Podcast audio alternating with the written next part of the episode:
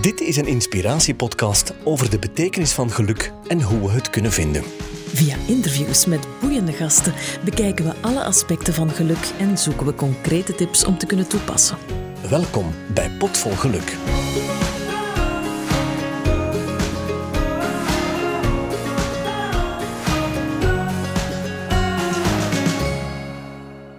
Bij ons in de studio zit Yves Seneels. Yves, welkom. Goedemiddag. Ik ga meteen met een verhaal erin vliegen, want er moet mij iets van het hart. Oesje. Ja, bijna twintig jaar geleden liep ik jou tegen het lijf in de wachtzaal van de Gate in Zaventem. Heel lang geleden. Jij vertelde mij toen dat jij op weg was samen met andere voetbalcoaches om naar een warmer oord te gaan om daar jouw proflicentie te halen. Maar wat ik niet op jouw Wikipedia-pagina vond, dat is dat jij ooit provinciale voetbal hebt getraind. Dat was toen. Nu ben jij prof, nu ben jij bondscoach van de dames. Wat een evolutie. Wat een lange weg heb jij afgelegd. Wat doet dat met een mens? Ehm, ja, ik denk... eh, voor mij was het eh, redelijk snel duidelijk dat ik eh, na mijn voetbalcarrière ook wel coach zou willen worden. En ja, ik, ik heb dat geprobeerd een beetje op te bouwen. Zoals u aangeeft, vanuit de provinciale reeksen naar het nationale voetbal. En ja, dan is de vraag vanuit de federatie ook gekomen naar het eh, internationale voetbal. Ondertussen ben je zelfs tien jaar bondscoach bij de Red Flames. Die heette toen nog niet zo, de, de Red Flames, heb ik eh, vernomen. Tien jaar voelde niet aan als tien jaar, gaf je recentelijk in een interview aan. Om welke reden was jij die tijd uit het oog verloren? Omdat het zo interessant was. ehm, eh, ik ben in een, project eh, gestapt dat, eh, ja, dat in België nog niet echt uitgebouwd of gekend was. En ik heb iets kunnen opbouwen, denk ik, van in het begin. En voor mij, de, het feit dat het snel is gegaan, is dat wij in feite telkens opnieuw een doelstelling hebben kunnen stellen om stappen vooruit te zetten. En dat maakt het telkens heel interessant, heel boeiend. Ik heb ook een fantastisch team kunnen zelf een beetje opbouwen. Eh, ik ben ook eh, geweldig positief geschrokken van het niveau van eh, de meisjes, de vrouwen in het voetbalwereldje. Ja, en dat, dat heeft ertoe geleid dat tien jaar in feite niks is geweest. Was dit de weg die je eigenlijk voor jezelf uitgestippeld had? Ik heb er in feite nooit bij nagedacht. Dat ze, zo mijn dochter moet binnen twee jaar kiezen en die, die praat nu al wat dat ze gaat willen doen. Toen ik die leeftijd had, Kiezen in wat? in studierrichting. Ah ja, ja. Dus toen ik die leeftijd had, eh, mijn vader vroeg wat wilde je doen. Ja, dat, op die leeftijd, 16 jaar, ik zou het niet geweten hebben. Ja, voetballen natuurlijk, maar hij was ook wel realistisch dat het niet zo evident is van profvoetballer te worden. Dus ehm, wat dat op mij afgekomen is, heb ik telkens een beetje overwogen. En, en ik ben nogal eh, iemand die naar het buikgevoel luistert. En tot nu toe is dat wel... eh, Dus het heeft jou iets opgeleverd, het buikgevoel. eh, dat is mij goed bevallen, dus Ja. ja. ja. Wat doet dat met een mens als je nu terugkijkt op die tien jaar? Wat heeft dat met jou gedaan? Als mensen denk ik dat ik op verschillende punten ja, veranderd ben, ontwikkeld ben. Eh, wat bedoel ik daarmee? Dat, eh, ik ben een andere coach geworden. Ehm, ik ben ook in, in de wereld van, van ja, eh, het multiculturele, zoals ze zeggen. Ik ga daar heel eerlijk in zijn. Ik kende het vrouwenvoetbal niet. Dat is een andere manier van aanpak. Ehm, en ja, dat, heb ik geprobeerd van mij te ontwikkelen. En als coach, als mens, denk ik, eh, ben ik veel eh, individueler geworden in, in aanpak. Eh, in het proberen mee te denken hoe dat men, de, spelers of de, de dat ik mee, samenwerk, de dingen beleeft. Omdat ehm, om goed te kunnen presteren moet het tussen de twee oren goed zitten. En dat heb ik eh, de afgelopen tien jaar ook elke dag wel gezien. Ja. Dat mentale dat je eigenlijk mee coacht, is dat iets waar dat je een opleiding voor gehad hebt? Of is, is dat echt eh, uit ervaring gegroeid? Eh, tien jaar geleden, uit ervaring dat ik zelf beleefd heb. ehm, ik was tien jaar geleden ook iemand die, als we over een mental coach of een sportspsycholoog zouden gepraat hebben, zou ik gezegd hebben nee. En nu werken, werken wij samen met iemand. eh, ik heb ook persoonlijk iemand die ik kan eh, dag en nacht bellen als dat eh, van toepassing is. En dat gebeurt niet dagelijks, maar dat gebeurt af en toe wel. Dus nee, ook daar denk ik moet je mee met evolutie, met de tijd. En, en ja, elke dag openstaan voor nieuwe dingen, willen leren. Niet dat ik zeg dat dat elke dag nodig is, maar dat scheelt ook. Ik zie het ook bij de spelers. Sommige spelers hebben op mentaal gebied soms al eens iets meer eh, begeleiding nodig. Tegenover anderen, eh, ja, die, die kunnen dat meer op zichzelf eh, dingen oppakken en, en, en daarmee aan de slag gaan. Mhm. Want je zegt, ik ben ook als coach gegroeid. Kan je daar een voorbeeld van geven van ehm, welke evolutie dat je dan doorgemaakt hebt? Ja, voetbal is een teamsport. En ehm, ik behandelde vroeger als coach meer het team als totaliteit. En als wij nu naar een stage toeleven, dan ga ik heel mijn selectie individueel af en bekijk ik van hoe gaat het met die speelsters. Ehm, gisteren was bijvoorbeeld een dertiende van de maand. Een dertiende van de maand bel ik altijd met mijn geblesseerde speelsters, omdat dat voor mij een geluksgetal is. Dat zijn zo zaken die ik tien jaar geleden absoluut niet zou uh, gedaan hebben. Of, of ik zat niet in die flow van, van de benadering naar spelers toe, om hen proberen zo goed mogelijk uh, te begeleiden. Dat is wel interessant. En 13, een geluksgetal? Wat, wat, wat mag ik daaronder verstaan? Ik, ik weet dan niet hoe dat, dat gekomen is. Ja. Uh, mijn broer verjaart een dertiende, mijn moeder verjaart een dertiende. Ik weet het niet. Ja. Ik weet niet. Heeft dat daarmee te maken? Als ze vroeger uh, dikwijls in de ploeg uh, nummer 13. Ik zeg, kom, geef maar aan mij als dat moet. Want in de vliegtuig op soms stoel 13 is er soms niet een vlieger. zijn sommigen wel. -huh. ja. ik, ik, heb daar echt... Ik heb er geen probleem mee. Ja, ja, ja. Het lijkt dat het voor jou belangrijk is wat er tussen de oren zit, bij de spelers, maar ook bij jou. Hoe heb je daaraan gewerkt, aan hetgeen wat er tussen je oren zit? Goh, dat is een goede vraag, want dat is geen gemakkelijke. Um, ik denk, uh, voor mij een uh, basisstandpunt is van uh, de dag dat ik niet wil bijleren, dan moet ik in hetgeen dat ik aan het doen ben stoppen. Mm -hmm. de, de moment dat ik in het vrouwenvoetbal stapte, een verschil bij mannen is toch wel dat een vrouw iets sneller en iets meer de waarom-vraag stelt. Mm -hmm. Dus tegen een man kunnen zeggen van, uh, ja, je speelt niet om die of die reden. En die zegt, je draait zich en je denkt in zijn eigen, misschien coach, je kent er niet veel van, maar, die, maar bij een vrouw kreeg ik toch wel regelmatig of heel dikwijls de vraag, ja, maar waarom? Wat moet ik dan uh, anders doen of beter doen? En ja, dan begint het gemene proces uh, mee te denken. En dat heeft mij als coach, houdt mij dat ook heel scherp in mijn hoofd, want tactisch gezien dan in het voetbalwereld, je moet ook niet zomaar iets uit je nek slagen. Want dan uh, gaan ze ook zeggen van, ja maar hou, uh, dit, is, dit is niet professioneel, uh, dit is niet hoe dat wij willen werken. Dus daar ben ik mee moeten in evolueren. En wat doe jij dan om dat precies goed te zetten tussen de oren? Je moet goed in je vel zitten. Wat doe jij dan? Zijn er trucken die je hebt? Zijn er principes die jij toepast? Nee, een babbel met de persoon individueel aangaan. En als ik met bepaalde personen een moeilijkere babbel hebben, wat dat ook gebeurt. Dus, dus iedere speelster, iedere staflid heeft zijn karakter. Ja, dan hebben wij ook uh, mensen binnen de staf die, die daar eventueel met hun babbel kunnen doen.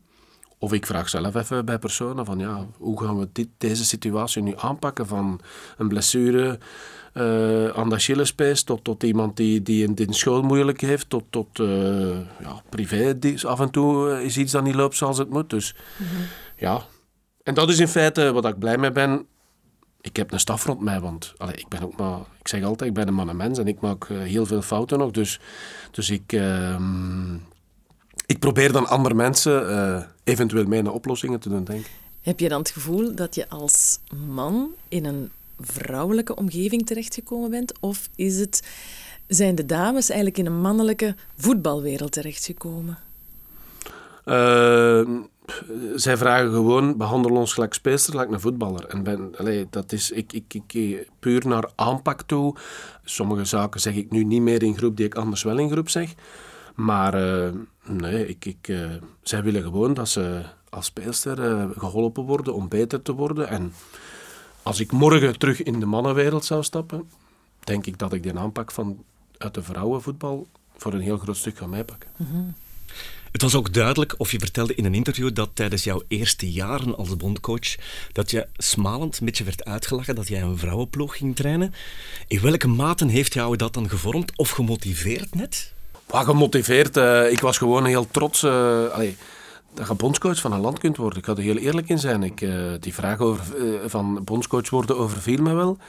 Maar ik was er gewoon uh, heel trots op. En, en ik zeg, ja, ik ga ermee aan de slag. En, en nogmaals, zoals ik daar straks zei, ja, dat waren wel doelstellingen die, die we gingen proberen te behalen. En ja, langs de andere kant, een stuk motivatie heeft me dat wel meegegeven dat er een beetje ja, lachwekkend over gedaan werd.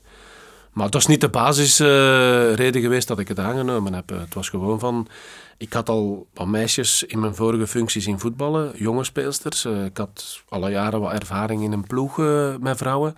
Ik had gewoon gezien dat daar uh, speelsters waren die heel goed konden voetballen. En dat was de grootste trigger. -hmm. Wat zijn de grote plannen voor de toekomst? Want je doet het nu tien jaar. Ik neem aan dat je er niet, meteen gaat mee stoppen. Wat zijn de grote plannen? Want je bouwt nu onder, ondertussen de, de U23 op. Was er niet. Dus ik neem aan dat jij nog grote doelen hebt voor deze vrouwenvoetbalploeg. Ja, mijn, mijn functie bestaat uit twee hoofddelen. Dus ik ben uh, bondscoach Red Flames, dat is het, uh, het hoofdpakket. En, en ik ben dan ja, mede sportief verantwoordelijk wat dat er is. Maar we hebben ondertussen ook, zoals u zegt, een U23-ploeg. We hebben ook een jeugdcoördinator uh, voor die teams op te volgen. Mijn grootste plannen zijn met ons team het WK halen. We hebben ons geplaatst vorig jaar voor het EK. Mm -hmm. Daar willen we ook weer een stap beter doen. En dat zou dan de volgende ronde halen zijn. Dus ja dat komt wel een heel, heel uitdagend jaar aan. Ja. Yves, wat is voor jou geluk? Geluk? Uh, heel simpel. Uh, als ik uh, s'avonds ga slapen zonder pijn, ik sta op zonder pijn, dan ben ik content. Dat heb ik van, van mijn vader meegekregen. En dat is toch iets dat ik wel meeneem, omdat...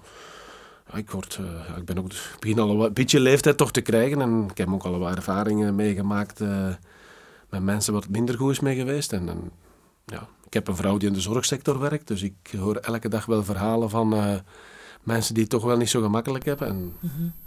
Als ik morgens kan opstaan en ik, uh, uh, ik kan doen wat ik graag doe mm -hmm. en ik, heb niet, ik ben gezond, dan, dan ben ik gelukkig. Ja, ja. Je bedoelt met pijn fysieke klachten of ongemakkelijkheden ziek zijn? Ja, ja door mijn voetbalcarrière ga ik soms eens met rugpijn of met mijn kniepijn slapen. En dat is niet plezant. En dan, mm. dan slaapt het niet goed. En dan zijn ze morgens niet uitgeslapen. En dan ben je iets minder gelukkig. Uh, allez, ik bedoel gelukkig, dan, dan functioneerde iets minder. Maar hoe beter je functioneert, ja, hoe, hoe gelukkiger je bent. Mm -hmm, mm -hmm. Ik heb een mega déjà vu. Want ik ben ja. geen proefvoetballer geweest, Yves. En ik had ook een vader die zei, als ik s morgens wakker word en het doet nergens pijn, dan heb ik nog een goede dag. En als jonge gast dacht ik, maar vent, zagenvent, zeiden daar nu weer. Maar ik begin ondertussen te begrijpen wat die mens bedoelde. -hmm. Als ik s morgens opsta en mijn hernia doet geen pijn of mijn artritis in mijn knieën doet geen pijn, dan ben ik content. Dus ik begrijp u. Wat ik ook geleerd heb de laatste jaren, wij zijn allemaal mensen maar. Hè, dus uh, iedereen maakt fouten. En, en uh, weet ook dat slechte dagen bestaan. Dus -hmm. ook voor mij. Dus, dus dat, ja, de dag dat je daar goed kunt mee omgaan, denk ik, hoe beter dat je dat beseft voor je eigen, mm -hmm. voor je medemensen, ja, hoe gelukkiger dat iedereen ermee gaat worden. Hoe ga je daarmee om, met een moeilijke dag? Of met een pijnlijke dag? ik kan niet eerlijk zijn, ik, uh, dat duurt soms ook lang bij mij, dat dat, dat, dat in mijn hoofd omslaagt van, ja maar hou, uh, terug focussen op hetgeen dat we moeten. Mm -hmm. Hoe dat ik daar meestal mee omga, als ik tijd ga, ga ik lopen. Als het niet te pijn doet aan mijn knieën, dan ga ik lopen, omdat ik weet dat dat voor mij een, uh, een stressgehalte toe, want ja, ik zit wel in, in, een job dat de stress af en toe toch wel mm -hmm. aanwezig is.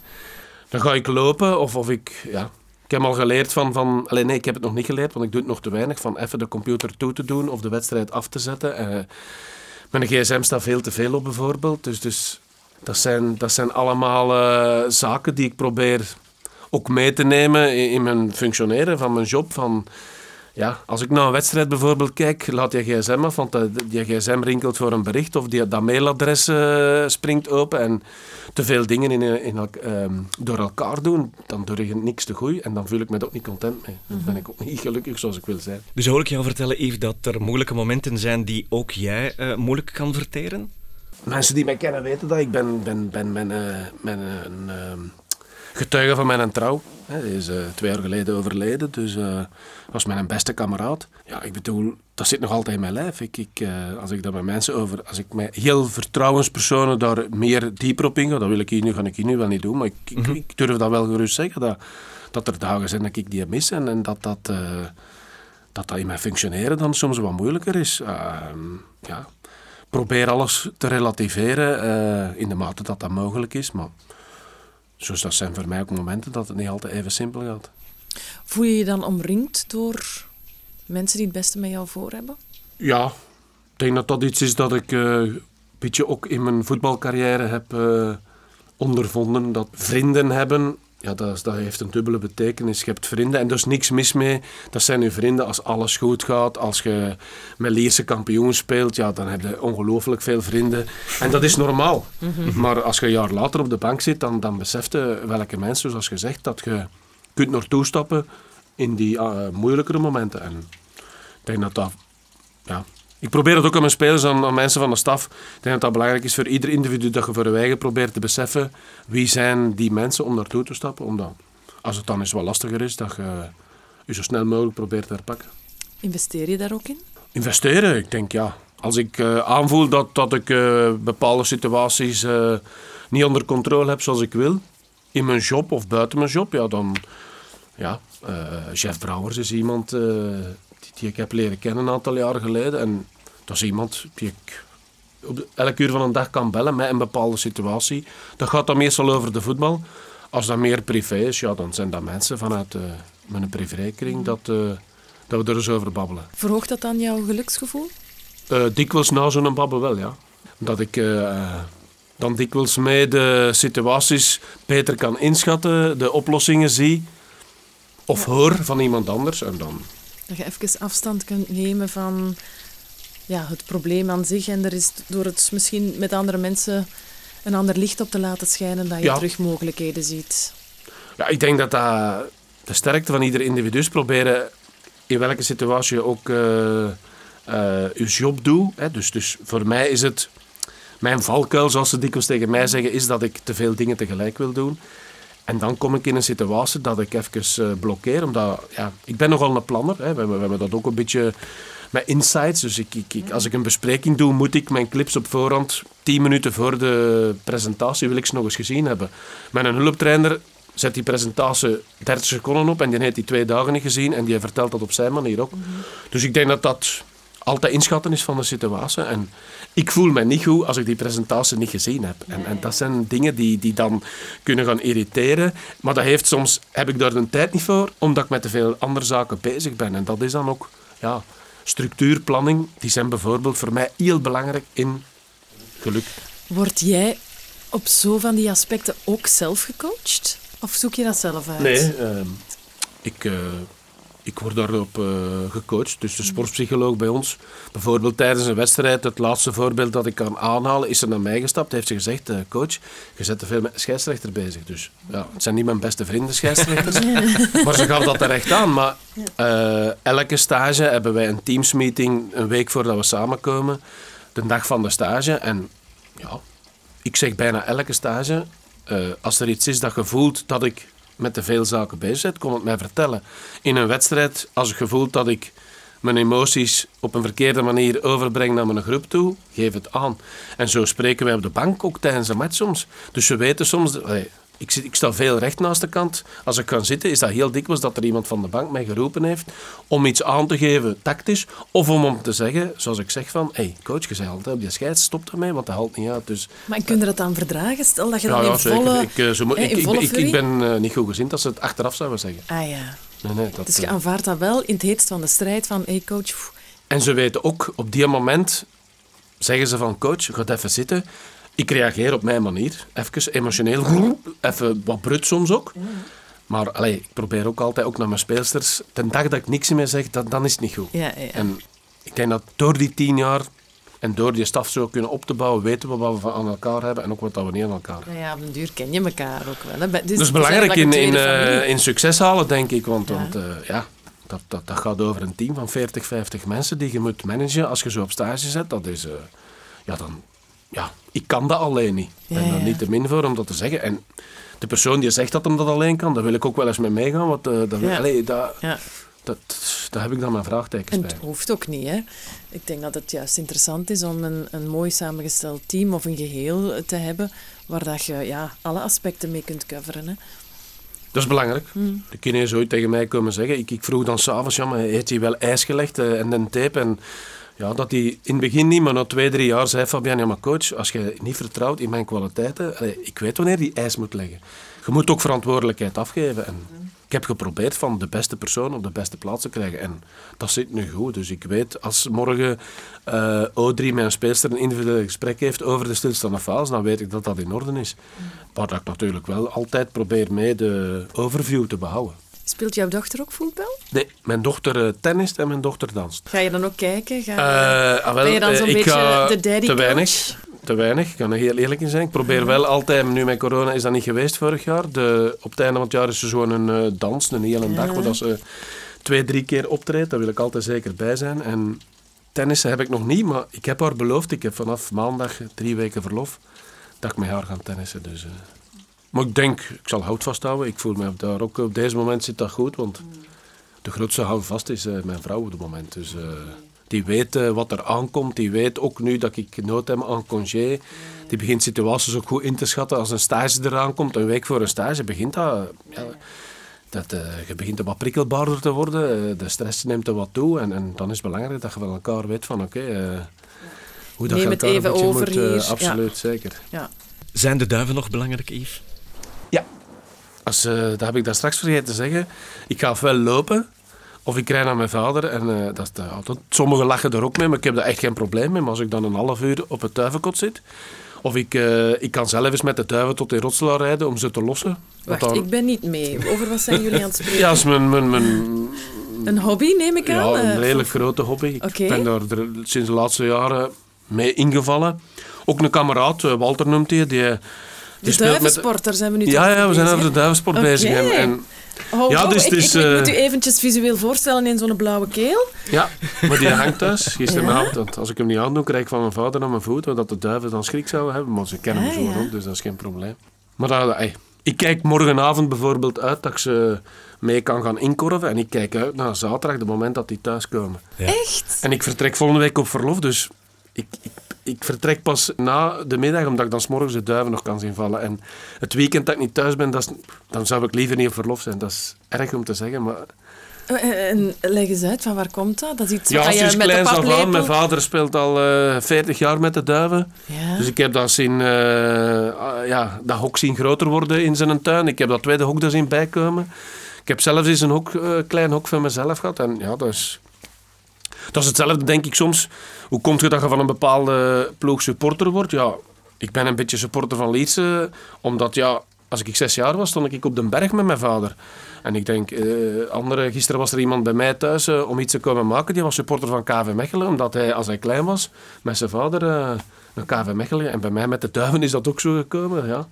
Zelfs zo'n short gekregen dat ik zeven jaar was. En ja, dat is de vier. En, ja, dus, uh... ja. Maar in dat geval is het toch heerlijk dat je in 97 met die favoriete ploeg nog landskampioen kan worden. Dat heeft met jou toch ook het een en het ander gedaan? Ik heb daar uh, nu achteraf gezien te weinig van genoten. Ach. Ja, daar, daar, ben ik heel eerlijk in. Omdat dat, dat is allemaal zo snel gegaan. Uh, allee, ja, met alle respect, we waren toen een team dat probeerde goed seizoen te draaien. Maar ja. ja ineens...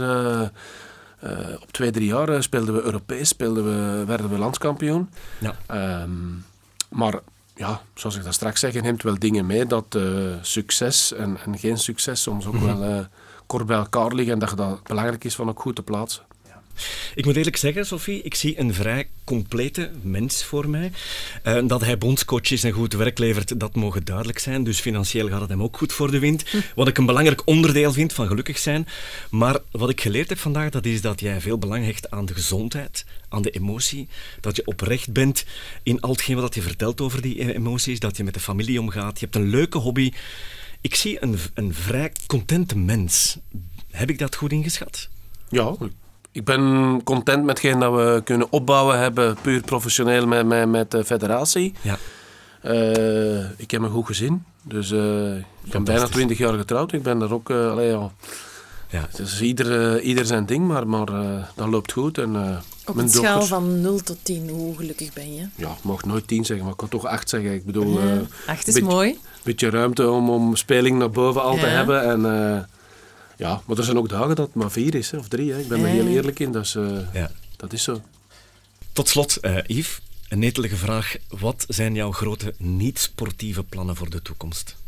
Oelala, niet-sportieve plannen. Dat is nou lastig, hè? ik zit al heel mijn leven in de voetbal. Dus, uh, ik, ben, uh, ik kook ook graag.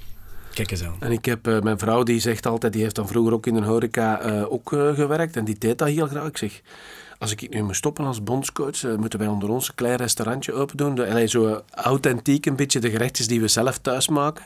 Maar ik ga dat niet doen, omdat dat is, dat is, allee, ja, dat, dat is zo tijdrovend, denk ik. Uh, allee, ja, ik. ik. weet het niet, maar is iets, moest het misschien ja. tot iets anders komen, zou dat kunnen. Maar ik heb er straks gezegd, ik, ik plan in feite, ook als ik voetbal, dat ik studeerde, ik plande niet te ver vooruit. Ja. Go with the flow. Absoluut. De, de titel van deze aflevering zou kunnen zijn... Wat heeft Yves Niels met koken gemeen? Ja, het En met eh, duiven. Ja, we hebben onze scoop binnen, hè. Ja, maar als, ik, als, als u mij die vraag had gesteld, drie zaken die naar stress toe, dan is het lopen, duiven en koken. Oké. We hebben naast jou een wit papiertje met een stilo, Yves. En wij zouden het leuk vinden, moest jij een symbool kunnen tekenen? Of iets wat voor jou het geluk weerspiegelt. Wat is voor jou belangrijk om boven jouw bed te hangen of boven ons bed te hangen? Ik zie verschrikte ogen. Dus eh ik kan dat heel simpel houden. Dacht tekenen, ze- dat is... eh,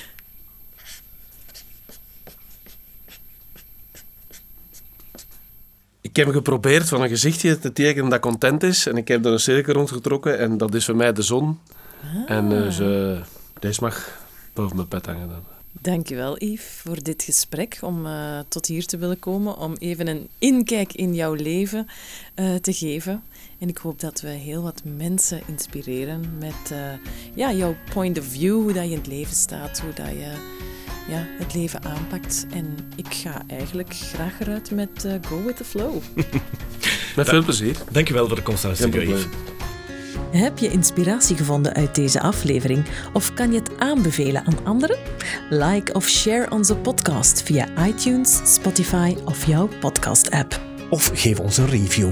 Deel ook gerust je eigen ervaringen via onze social media kanalen of via potvolgeluk.be. Deze podcast is een samenwerking tussen School of Luck en Gabriel's House.